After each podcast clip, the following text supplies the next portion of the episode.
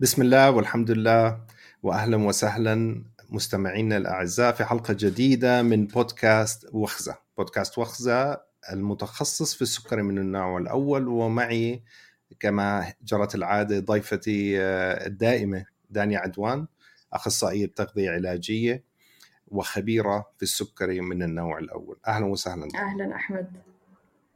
يعطيك العافية كيف حالك؟ تمام؟ الحمد لله، كيفك أنت؟ الحمد لله ممتاز. بلشت أشعر بالقلق طبعا ليش؟ لاقتراب شهر رمضان.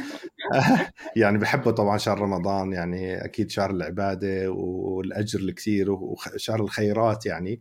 ولكن بتعرفي سبحان الله بالعبادات بشكل عام دائما آه، في عبادات بتكون أسهل على ناس من عبادات أخرى. حتى الصحابة رضوان الله عليهم كانوا هيك. يعني كان في صحابة زي خالد بن وليد مجاهدين ما في بجسمه شبر ما فيه ضربة آه، آه، سيف ولا رمح ولا كذا. ولكن كان جلده على الصيام قليل. وفي صحابة آخرين كانوا آه، يصوموا اثنين وخميس طوال السنة سبحان الله. فأنا جلدي على الصيام قليل. الله يعينك. ف... الله. بده تحضير نفسي وتبلش تقلل كمية الكافيين بشكل تدريجي. يعني بدك قبل شهر شهرين هيك تبلش تقلل الكافيين عشان تقدر بس يعني تكون صاحي أثناء الصيام. فأنا يعني إذا أنا شخص هيك عادي وفي عندي معاناة بعض المعاناة في الصيام مش بالجوع الحمد لله بس هي زي ما قلت لك شغلة الكافيين والعطش وكذا والتركيز بالشغل. فأنا بفكر بحكي الله يعين الناس اللي معهم سكري سكري بكل أنواعه يعني أكيد بيأثر عليهم أنا ما بعرف كيف بيأثر عليهم. آه، فإحنا حاب نحكي على هالموضوع عشان اللي معاه سكر من النوع الأول وعنده شك إنه بيقدر يصوم آه، شو الأشياء اللي بتخوف؟ شو بصير بجسم الإنسان اللي مع سكري؟ يعني بدنا نفهم التغييرات اللي بتصير بجسمه أو التغييرات على نمط حياته إذا صام وشو المخاطر من صيامه؟ هل يصوم ما يصوم؟ كذا. فراح أترك المايك معك. تفضلي. تمام. هلا آه، طبعا زي ما حكيت في دائما في حماس للشهر الكريم. دائما آه، بنفس الوقت بصاحب هذا الحماس توتر للناس اللي معاهم سكري. اولا عشان أكيد الكل بحب إنه يمتثل لهاي العبادة. الكل بحب إنه يصوم. بس مش الكل عنده مقدرة إنه يصوم. وكثير ناس بتضغط على نفسها. يعني حتى بالدراسات اللي انعملت عن رمضان مثبت إنه آه، الناس أصلا تتجنب إنها تروح على الطبيب بالفترة اللي قبل رمضان وتاخذ نصيحته بإنها تصوم أو لا واللي هو عكس تماما المطلوب. إذا هو ناوي يصوم مفروض إنه يراجع ويراجع قبل ست لثمان أسابيع تحديدا. وإحنا هون عم نحكي عن كل الناس اللي معاها سكري سواء النوع الأول أو النوع الثاني. لكن اليوم رح نركز يمكن على الصعوبات اللي آه، ممكن يواجهها الشخص اللي عنده سكري نوع أول أو الشخص اللي بياخد أنسولين بشكل عام. فالموضوع صعب آه، هيك في في حمل نفسي برضه فكرة إنه أنا حابب أصوم بس مش قادر آه، هاي برضه بتشكل عائق للناس. فإحنا اليوم حابين نحكي بهذا الموضوع ونسلط الضوء عليه. بس يعني لا شك في بإنه يعني له صعوباته.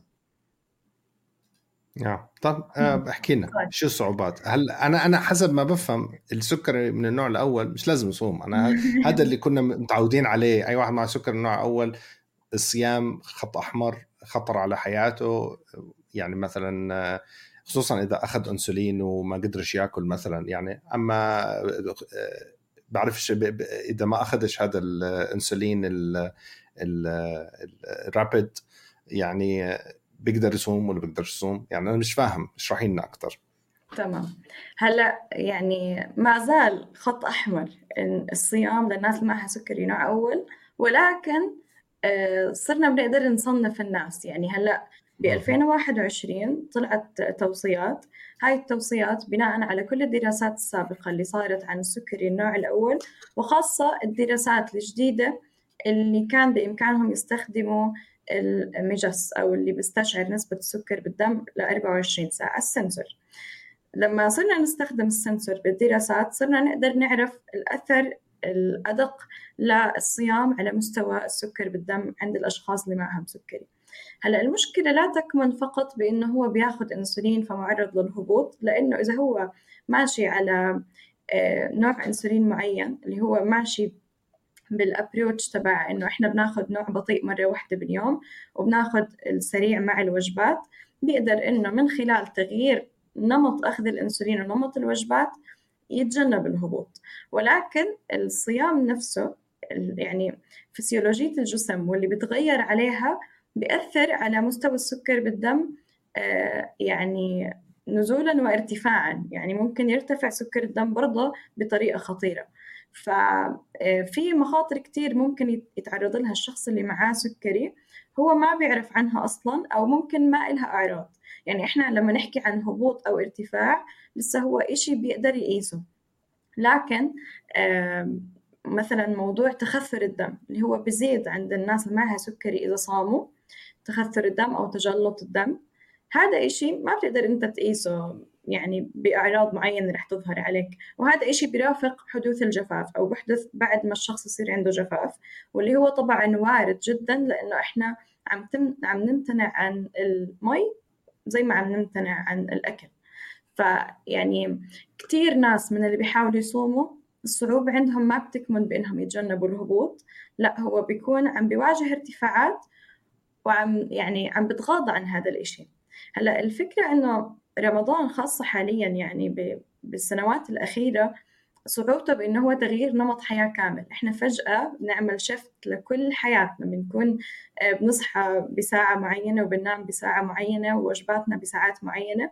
فجأة بنصير في عنا وجب الفجر ووجب المغرب وما بين كل هاي الفترة من من الفجر للمغرب إحنا ممتنعين عن الأكل والشرب ساعات النوم بتقل وهذا الإشي برضه له أثر كبير على مستوى السكر بالدم. عدا عن إنه تغيير هذا اللي بيحدث بغير على الساعة البيولوجية تبعت الجسم فبالتالي بيغير على إفراز هرمونات كتير. بالتالي بصير كتير أصعب للشخص اللي بياخد أنسولين من الخارج زي اللي معاه سكري إنه آه، يقدر يتحكم بهاي التغيرات اللي رح تصير. ففكرة إنه يصوم فعليا بتشكل خطر. فإحنا ما عم نحكي إنه هي مش خطر لكن المخاطر تقسمت أو درجة الخطورة من 2021 وطالع اتقسمت لثلاث درجات. في عنا ناس معرضين لخطورة قليلة و آه، هون بتكون الفتوى الشرعية تبعها لأنه التوصيات الطبية اللي طلعت كان بيرافقها فتوى شرعية لكل فئة.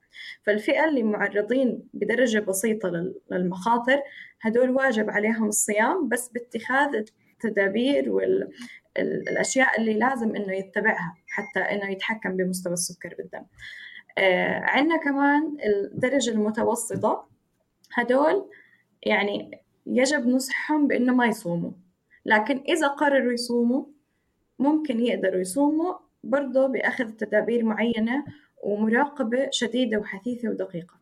وطبعا دائما إحنا بنبدأ هذا التقييم للمخاطر قبل ست لثمان أسابيع من رمضان. عشان هيك إحنا عم نعمل الحلقة بهاي الفترة تحديدا.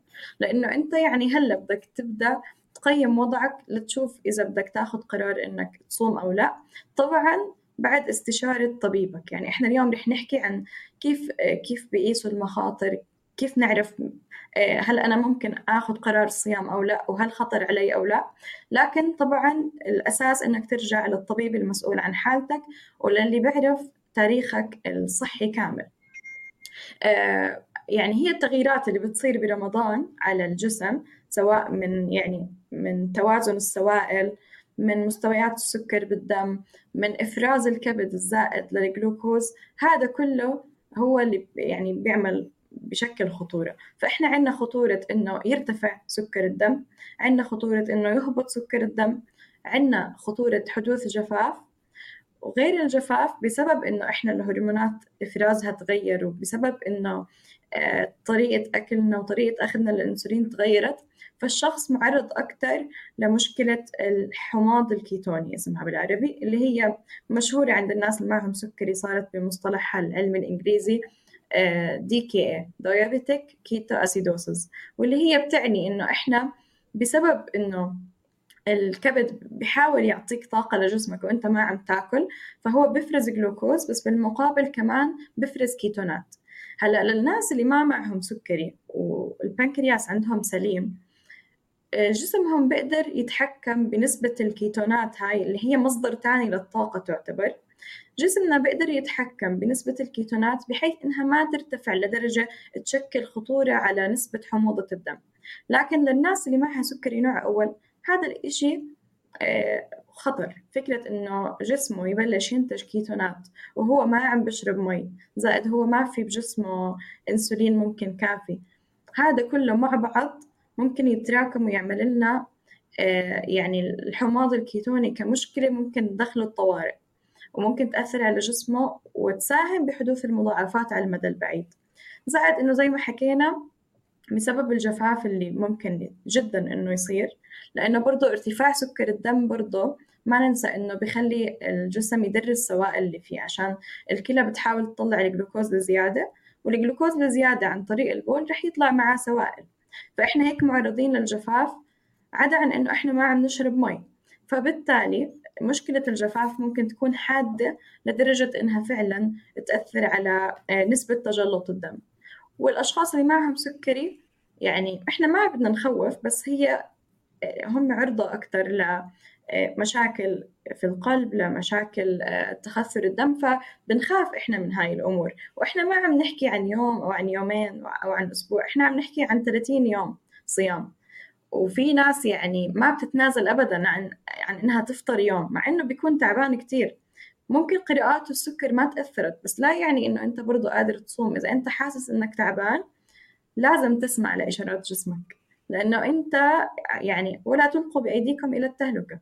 فأنت لازم تكون فاهم آه، اللي إلك واللي عليك وكيف تنتبه على صحتك. موضوع معقد ومرعب. بدي أسألك سؤال يعني مش مباشرة متصل باللي حكيتيه. قطره العين بتفطر. آه بلشنا. بلشنا أسئلة رمضان. هاي في أسئلة رمضان والسكري سكري version. آه. آه. الإنسولين.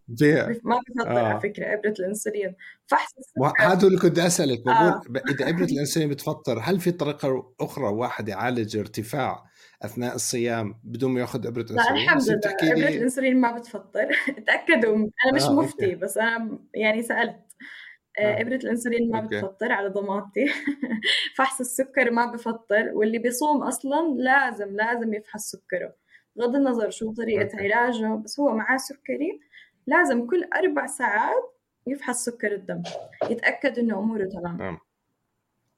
طيب آه، إذا ابره الإنسولين ما بتفطر آه، وهو صايم صار معه ارتفاع بسبب السكر اللي اجى من الكبد مثلا وعالجوا هذا بصير هلأ في خوف من إنه يصير في هبوط صح؟ صحيح زائد إنه آه. آه الإنسولين فعاليته بتكون كتير أبطأ لما الجسم يكون بحالة جفاف أو ما في عندنا آه. آه استهلاك للسوائل فبالتالي بطول أصلا لينزل السكر فيعني زي كأنه أخذت آه، إبرة ما فيها إنسولين شغال يعني حرفيا وهذا عن تجربة شخصية آه. يعني أنا من الناس اللي آه. لما يصوموا تجربتي مش إنه أنا بيحدث معي هبوطات بس أنا أعطيني للساعه ثلاثة أربعة العصر تبدأ عندي ارتفاعات يعني لا يمكن تجنبها بغض النظر عن الطريقة اللي حاولت أتبعها بتوزيع الأنسولين بعد استشارة طبيبي و... وكل اللي أنا فعليا بقرأه وبدرسه ما عم بقدر أتجاوز هذا الارتفاع زائد إنه أنا لو أخذت أنسولين رح ينزل لي بس كتير بطيء. وزائد إنه في إشي ما حكينا عنه قبل شوي موضوع إنه أصلا آه أنت معرض لارتفاع لما تفطر. يعني أنت أصلا حتى لو السكر منتظم طول ما أنت صايم بمجرد ما تفطر أنت معرض لارتفاع شديد بسكر الدم. ف فهون برضه بتكمن خطورة إنه أنا أصلا يرتفع عندي وعندي جفاف وبعدين لما أجي آكل يصير عندي لسه الارتفاع يتضاعف فهي هاي مشكلة. نعم. آه ولسه سناكينج من من الفطور للفجر وحت أرجع أرجع نظمها عاد لليوم الثاني 100% يعني. آه نعم. طيب أنت حكيتي يعني فعليا الواحد بده يصوم بده يتصنف م. من ناحية شدة المخاطر إلى ثلاث تصنيفات مزبوط. أو الأربعة. ثلاثة. ثلاث ثلاث. آه بس هل هو واحد بيصنف نفسه ولا آه بده الطبيب يصنفه؟ هلأ طبعا زي ما حكينا دائما ارجع لطبيبك بالبداية.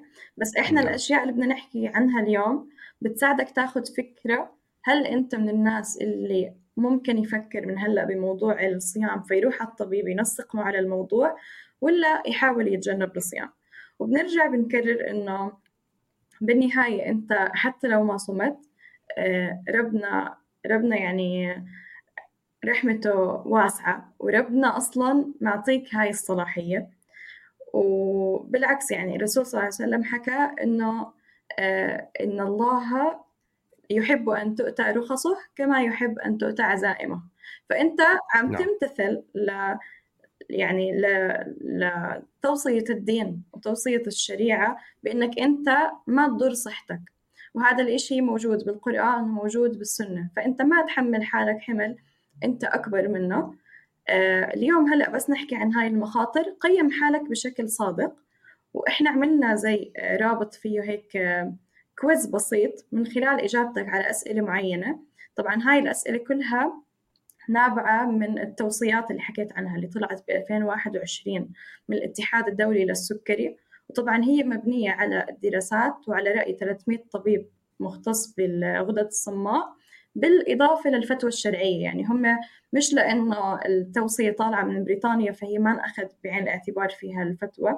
انأخذ بعين الاعتبار فيها الفتوى ومن جهات آه، موثوق فيها بالنسبة لنا إحنا ك يعني كناس بهمها تعرف الرأي الشرعي. وزائد إنه أنت بعد ما تعرف وضعك الصحي الكامل تقدر إنك تستشير طبيبك وتستشير مفتي آه، تعرف منه الرأي يعني الأصدق والأضبط لحالتك أنت. لأنه كمان يعني حتى الأشياء اللي رح نحكيها اليوم والاختبار اللي ممكن أنت تعمله ممكن ما يغني عن إنك أنت تشوف لوضعك أنت تحديدا بزبط إنك تصوم أو لا. فأنت ما تخاطر بإنك تصوم من غير ما تكون متأكد إنه بزبط أو لا. وبالحلقة الجاية لسه رح نحكي عن إنه إذا أخذنا قرار الصيام في كتير خطوات لازم نتبعها حتى نقدر نصوم بأمان. يعني حتى الناس اللي بتطلع من الفئة اللي هي معرضة بشكل قليل للمخاطر أو متوسط وبده يصوم لازم يكون آه، كتير دقيق كمية أكله موعد أنسولينه فحوصاته هاي الأشياء اللي هي بالأيام العادية ممكن الشخص يتهاون فيها برمضان عشان يزبط معاه يصوم من غير ما يعرض حاله للخطر بده يكون فيها يعني جدا دقيق. آه، طبعا آه، يعني ما شاء الله الناس في كثير منهم آه، عنده حرص على أداء الواجبات. فيعني يمكن يروح على دكتوره ودكتوره يكون من مدرسة اللي بروح على الأحوط من ناحية كذا أو غير مطلع على هذا البحث الجديد اللي حكيتي عنه الطبيب م. هذا. ممكن ما يكون أصلا طبيب قدوة صماء يعني ممكن مقدم رعاية بشكل أو بآخر.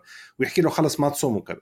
فبصير الواحد في داخله بحس طب بلكي دكتوري مش كويس بلكي أنا لازم أصوم بلكي ربنا بده آه، يعني يحاسبني على تقصيري.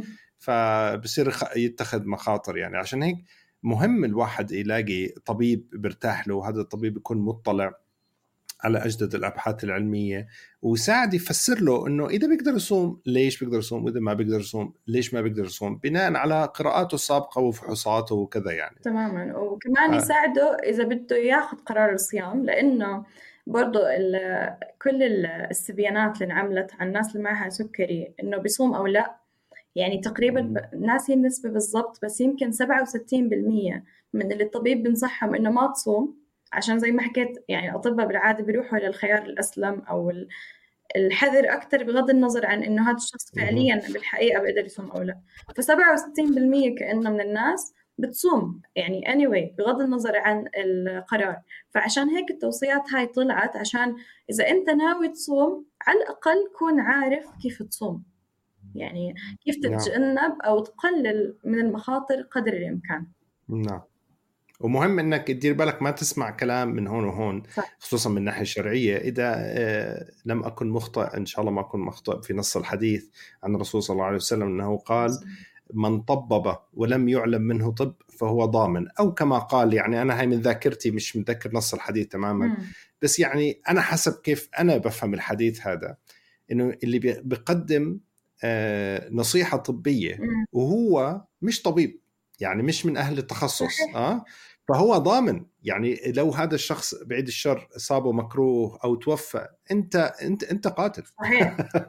يعني موضوع خطير. يعني آه إذا هو طبيب ودارس وكذا واجتهد وأخطأ هذا مختلف عن تلاقي واحد بالشارع إحنا ما شاء الله الفتاوي عندنا يعني ب... ب... على قعده بزر لا يا زلمة سيبك من الانسولين جيب لك خلطة من عند العطار بخليك تصوم و... يعني صح. الواحد يكون يعني حذر. أنت مش بس آه، أذيت هذا الشخص أنت محاسب أمام الله سبحانه وتعالى.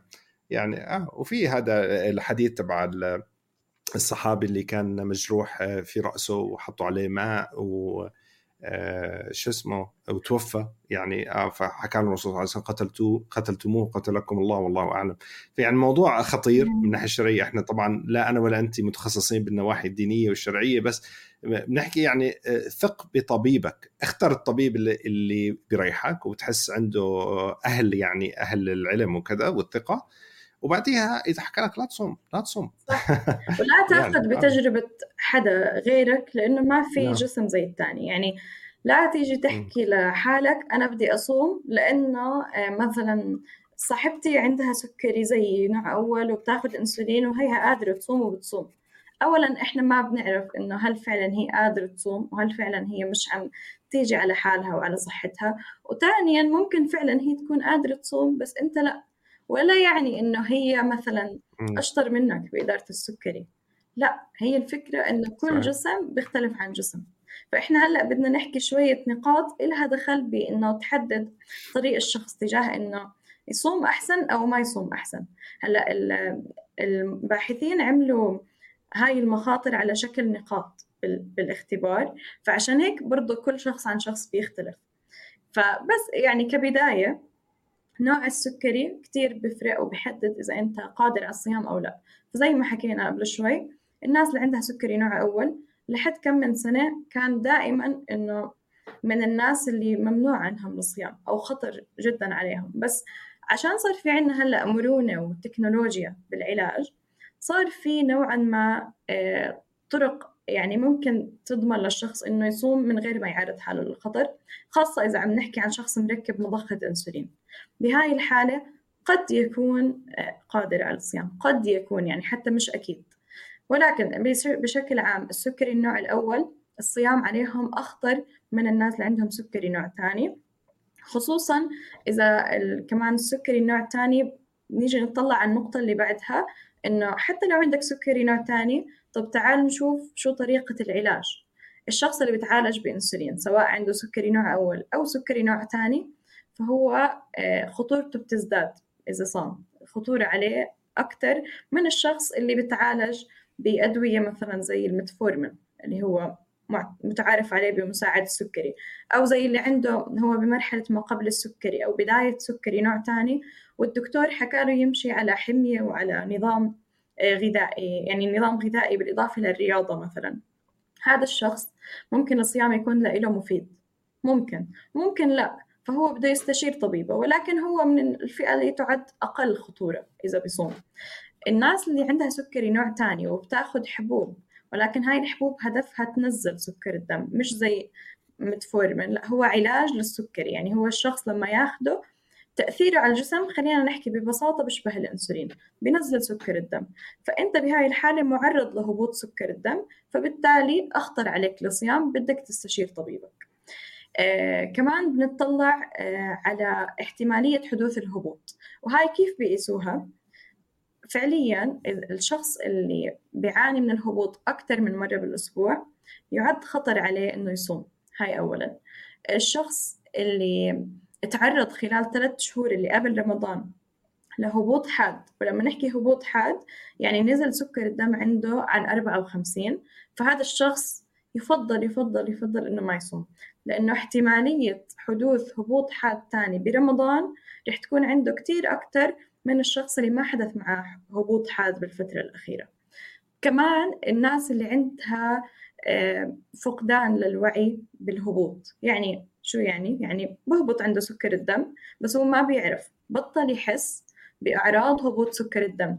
وأصلا في دراسات بتحكي عن إنه أنت وأنت صايم حتى لو أنت بالأيام الطبيعية بتحس بأعراض الهبوط من الممكن وأنت صايم تتغافل عنها أو تغفل عنها من غير قصد لأنه مشابهة شوي لأعراض إنك أنت مش ماكل منيح أو يعني صايم ف بتتشابه الأعراض فبصير هو مو عارف هبوط ولا لأ وإذا ما بيفحص ما حيعرف إنه صار عنده هبوط فهو هيك عم بيعرض حاله لخطورة جدا عالية اللي هي إنه يحدث معاه هبوط وهو صايم وهو ما بحس على حاله.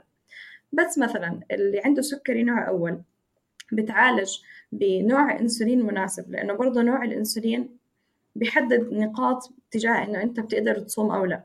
أنواع الإنسولين الأجدد أو اللي بتمكنك إنه أنت تستخدمها بالأوقات المناسبة للتغيير اللي بدك تعمله خلال الصيام هاي ممكن تساعدك أكثر من لو أنت عم تستخدم مثلا الإنسولين المخلوط. فالناس اللي بتستخدم الإنسولين المخلوط لأنه جرعاتها يفضل تكون ثابتة ومواعيدها ثابتة ككمية وكموعد فيفضل إنه ما يتلاعب فيها. فبالتالي هدول الناس الصيام أخطر عليهم.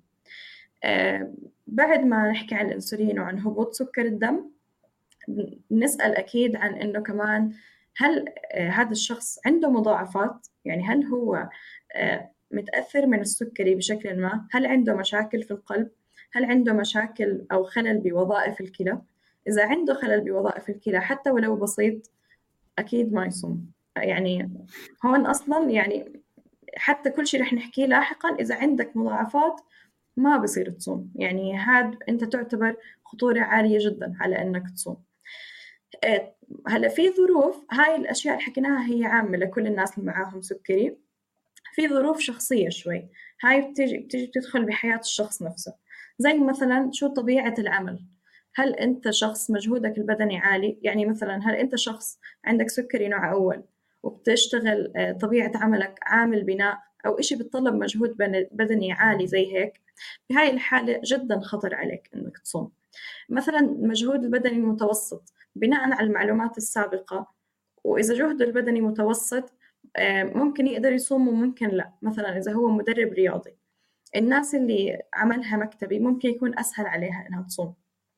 فهذا له دخل بظروف العمل مثلا.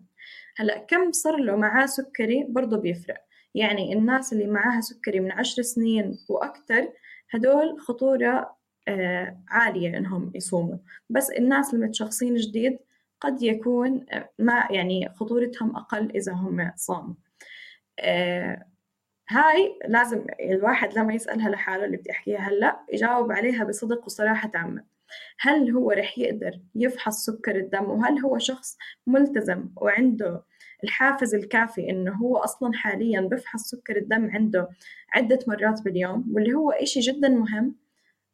يعني جوا رمضان وبرا رمضان بس إحنا بنعرف إنه مش كل الناس عندها نفس الحافز إنها تفحص سكر الدم وكتير ناس بتطنش الموضوع. بالأيام العادية لو حكينا بدنا نسامحك بإنك بتطنش الموضوع برمضان ما بصير. فإذا أنت شخص ما بتفحص بشكل مستمر سواء هذا الإشي له دخل بالحافز الشخصي اللي عندك أو فكرتك عن الفحوصات أو إنه أنت ما بتحب تفحص أو سواء له دخل بحتى وضعك المادي. بس إذا في إشي رح يمنعك تفحص سكر الدم كل ثلاث أربع ساعات يفضل إنك أنت ما تصوم لأنه أنت ما حتكون مطلع على وضع سكر الدم عندك إذا مستقر أو لا. فبالتالي ممكن تتعرض لأعراض ومشاكل. هلأ كمان الأطفال هم أكثر فئة إحنا بنخاف عليهم. يعني أنت طفل ومعك سكري يعني هيك أنت صار عندك زي عاملين خطورة. لأنه إحنا عم نحكي عن فئة هي لسه بمرحلة النمو. ولكن هم للأسف أعند ناس بموضوع الصيام. يعني الأهل كتير بيتغلبوا معاهم. يمكن بهذا الموضوع الواحد بده يستشير أخصائي نفسي. ولكن يعني كل ما وعينا طفلنا أكثر على فكرة إنه يفضل ما يصوم بيكون أحسن. آه، إذا أصر إنه يصوم بدنا نعرف ساعتها إيش المفروض نعمل ك يعني تدابير لازم إنه إحنا نعملها. آه، إذا الشخص عنده مشاكل بالإدراك بغض النظر عن السن تبعه لا يفضل أكيد إنه يصوم. إذا هو شخص عمره أكثر من سبعين سنة وعايش ببيت لحاله ما في حدا عنده ينتبه عليه ما بصير يصوم. برضه حسب أنت وين عايش وين مكان إقامتك. كيف الجو بالمكان اللي أنت عايش فيه المناخ؟ يعني هل آه في عندنا درجة حرارة عالية أو عندنا برد؟ هذا بيفرق على إنه أنت رح تقدر تصوم أو لا عشان نسبة الجفاف اللي رح تحدث. وكمان كم ساعة رح تصوم؟ يعني إحنا هلأ بالأردن هاي السنة تقريبا حتكون أتوقع من 13 ل 14 ساعة للصيام.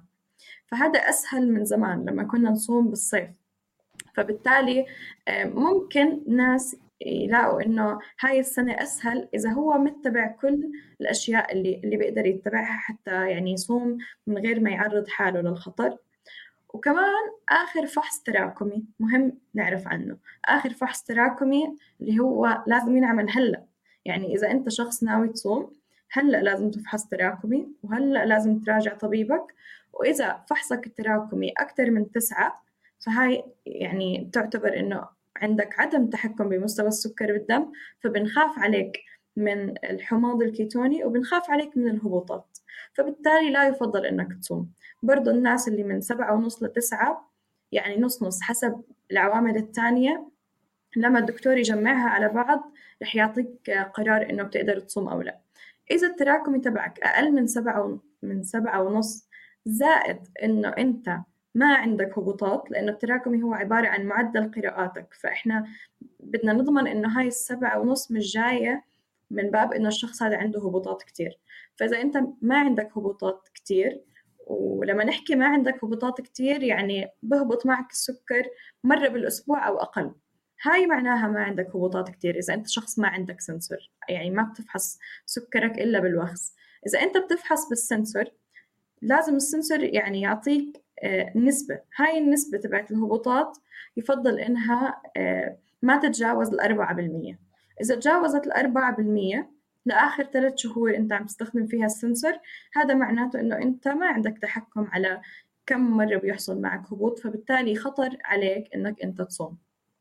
فهاي هي المخاطر اللي موجودة بالتست اللي ممكن يعمله الشخص حتى يقرر إنه يفضل يصوم أو لا. بتطلع له هل هو من الفئة الأقل خطورة أو المتوسطة في الخطورة أو الأعلى خطورة لكن بضل الأساس إنه طبعا يراجع طبيبه.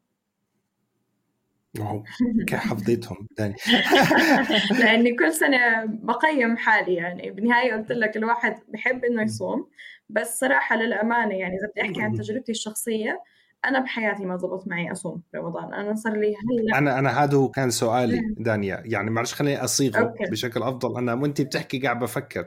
أنا بعرف إنه أنت حاولتي كان عندك تجربة السنة الماضية. مم. بدي تحكي لي عن تجربتك بجزئين. الجزء الأول شو كانت نتيجة تقييمك قبل البدء؟ تمام. تمام؟ وبعدين شو كانت نتيجة السلوك نفسه الصيام okay. يعني؟ وأنا بعرف إنك وقفتي وليش وقفتي يعني. مع بس لازم نحط هنا ديسكليمر تنبيه تحذير آه، ما ينطبق على دانيا قد لا ينطبق عليك. صحيح. يكون عند وضعك أحسن أو وضعك أسوأ. فهاي بس آه، آه، قصة قصة دانيا. لا يعني إنه أنت لازم تحذو حذوها يعني. صحيح. تفضل 100% هلأ اللي صار إذا بدنا نحكي عن آخر سنة تحديدا بس أنا كل سنة بقيم حالي وبشوف إذا بقدر أصوم أو لا.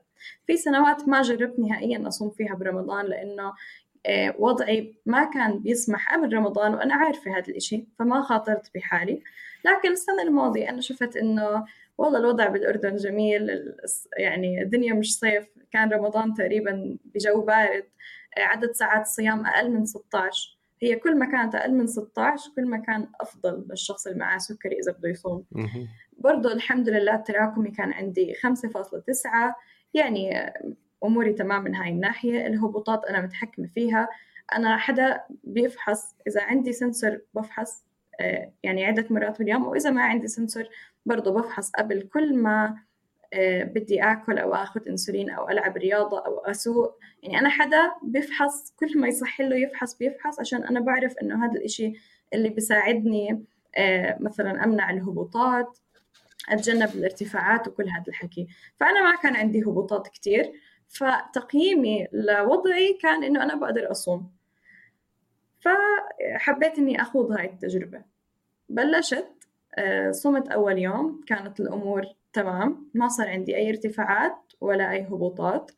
آه، تاني يوم طبعا أنا خلال أول يوم لما صمت تأكدت إني لما أفترض إني مثلا أشرب مي كويس وأتبع كل الأشياء اللي رح نحكي عنها بالحلقة الجاية إذا الشخص ناوي يصوم.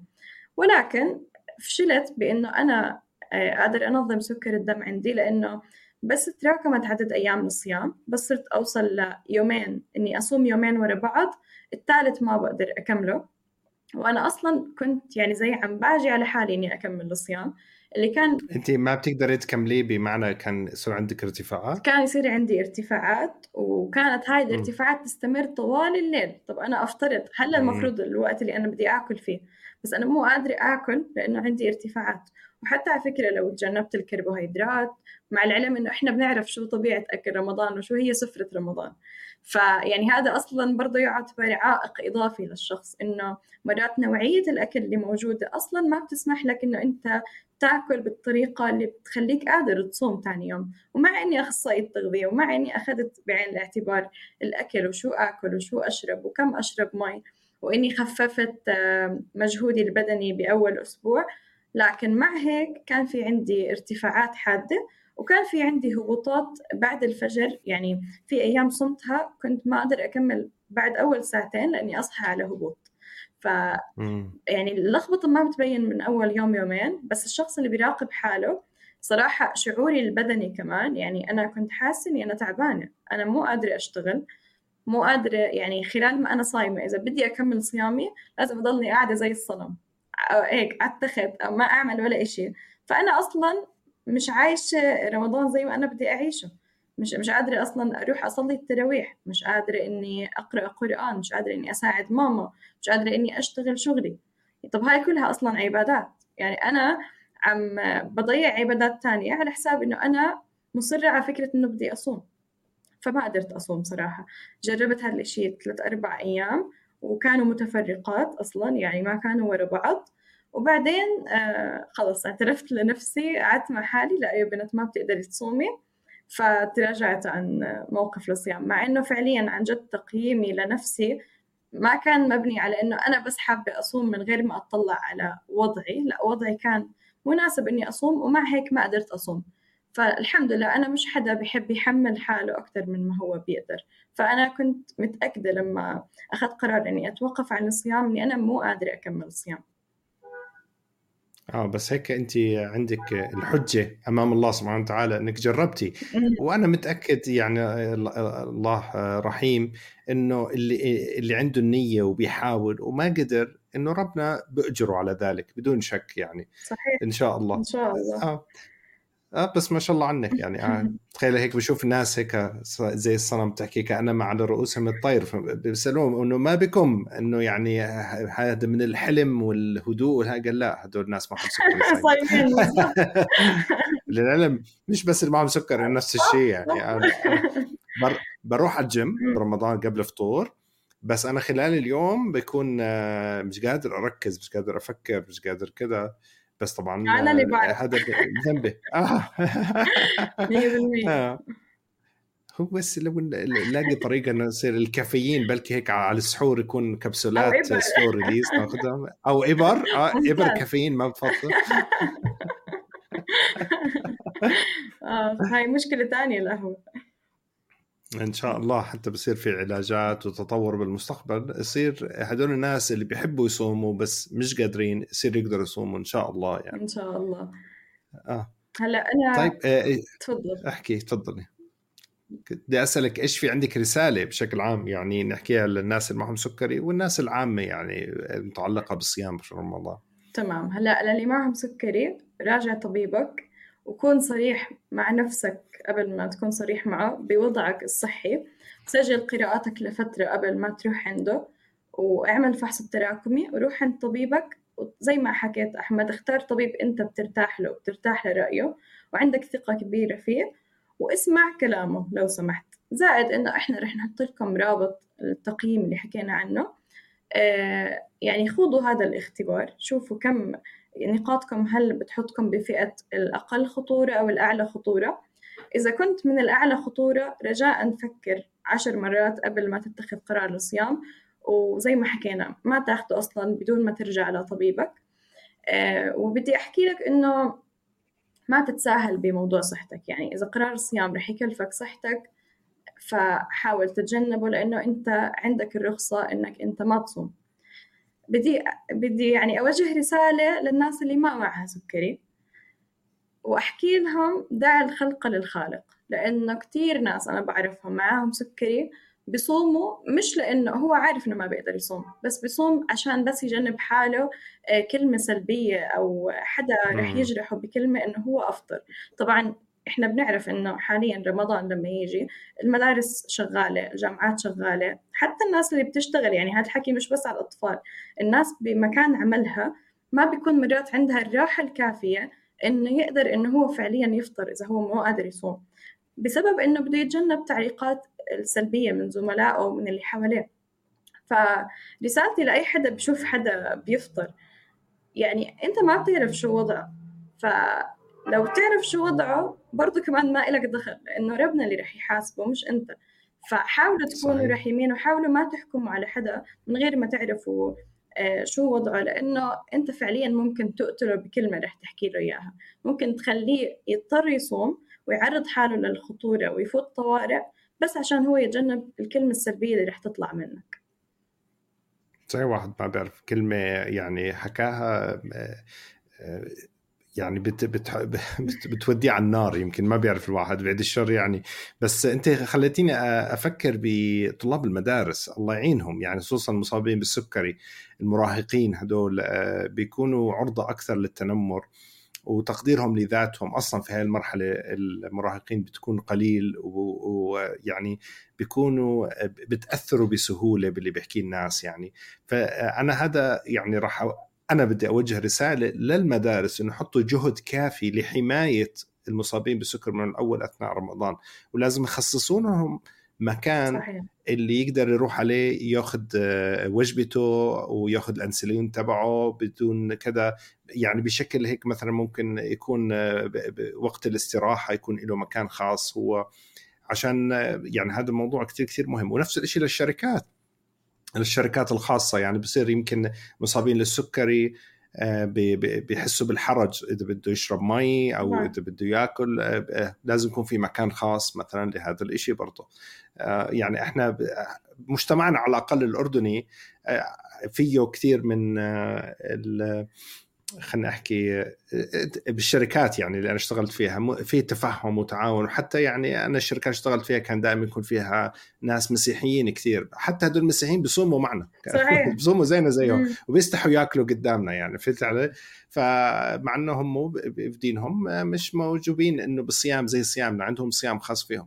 فنفس الشيء هدول السكري لازم يكون في كل واحد بدك تخصص له. صحيح. هو يمارس حياته بشكل وكل واحد بحاسب يتحاسب قدام ربنا لحاله يعني. 100% فيعني موضوع مهم. يعني أنا أحمد ما كنت أصوم وأنا بالجامعة وكان عندي صيفي برمضان بس كنت يعني كنت أنا كبنت جديد متشخصة بالسكري مش حاسة بالأريحية الكافية بالجامعة إني أنا مثلا في مكان أقدر أروح آكل فيه لأنه أنا شايفة نظرات الناس كيف رح تكون لإلي. فأنا شخص كان بداوم 8 9 ساعات بالإضافة للمواصلات لأنه جامعتي كانت بعيدة ساعتين عن بيتي. وكنت يعني فعليا يعني بحماية ربنا ربنا اللي حماني إنه ما يصير معي إشي بهديك الفترة. بس أنا يعني بأكد إنه اللي أنا كنت يعني أمر فيه إشي جدا صعب لأنه هو كان بعز الصيف رمضان اللي إجا وأنا بالجامعة. وكان ما ب... ما كنت أشرب مي نهائيا من لما أطلع من البيت ستة ونص الصبح لأروح أربعة ونص خمسة العصر ما أشرب مي. آه، ما آكل إلا إذا صح لي أكون جنب المصلى تبع البنات. أفوت آكل إذا قدرت ويكون معي إشي أصلا مش الإشي اللي أنا المفروض آكله مش الإشي المتوازن اللي رح يعطيني طاقة. فأنا فعليا كنت عن جد معرضة حالي للخطر على حساب فكرة إنه أنا ما بدي أسمع كلمة سيئة من حدا. فما بالك زي ما حكيت أطفال الطلاب المدارس والأطفال اللي بعمر المراهقة جدا جدا الموضوع حساس وجدا لازم إنه يعني بأكد على فكرة إنه فعلا المدارس لازم تتخذ إجراءات معينة تساعد إنه الطفل هذا يقدر يأكل بمكان من غير ما يتعرض لتنمر من حدا صحيح. طيب آه بدنا تحمسينا شوي على الحلقة القادمة دانا شو إيش نحكي؟ بهالموضوع؟ الحلقة القادمة بدنا نحكي عن إذا إذا الشخص بيقدر يصوم والطبيب حكى له يصوم حكينا هذا لا يكفي إنه أنت هيك رح تصوم من غير مشاكل فأنت لازم تجهز حالك. بدنا نحكي كيف تجهز حالك تغذويا ومن ناحية جرعات أنسولين وغيره لفكرة إنك تقدر تصوم وتكمل عدد ساعات الصيام اللي يعني اللي هي المفروض تصومها من الفجر للمغرب من غير ما يصير عندك أي ضرر صحي. طيب ممتاز. أنا متحمس برضو لهذه الحلقة القادمة. جزاك الله خير دانيا وإن شاء الله مأجورين جميعا اللي صام واللي ما صام إن شاء الله إن شاء الله. وضلكم بصحة وسلامة بشكل دائم. إن. يعطيك ألف عافية دانيا. الله يعافيك. يعطيك العافية. الله يعافيك. السلام عليكم. عليكم السلام.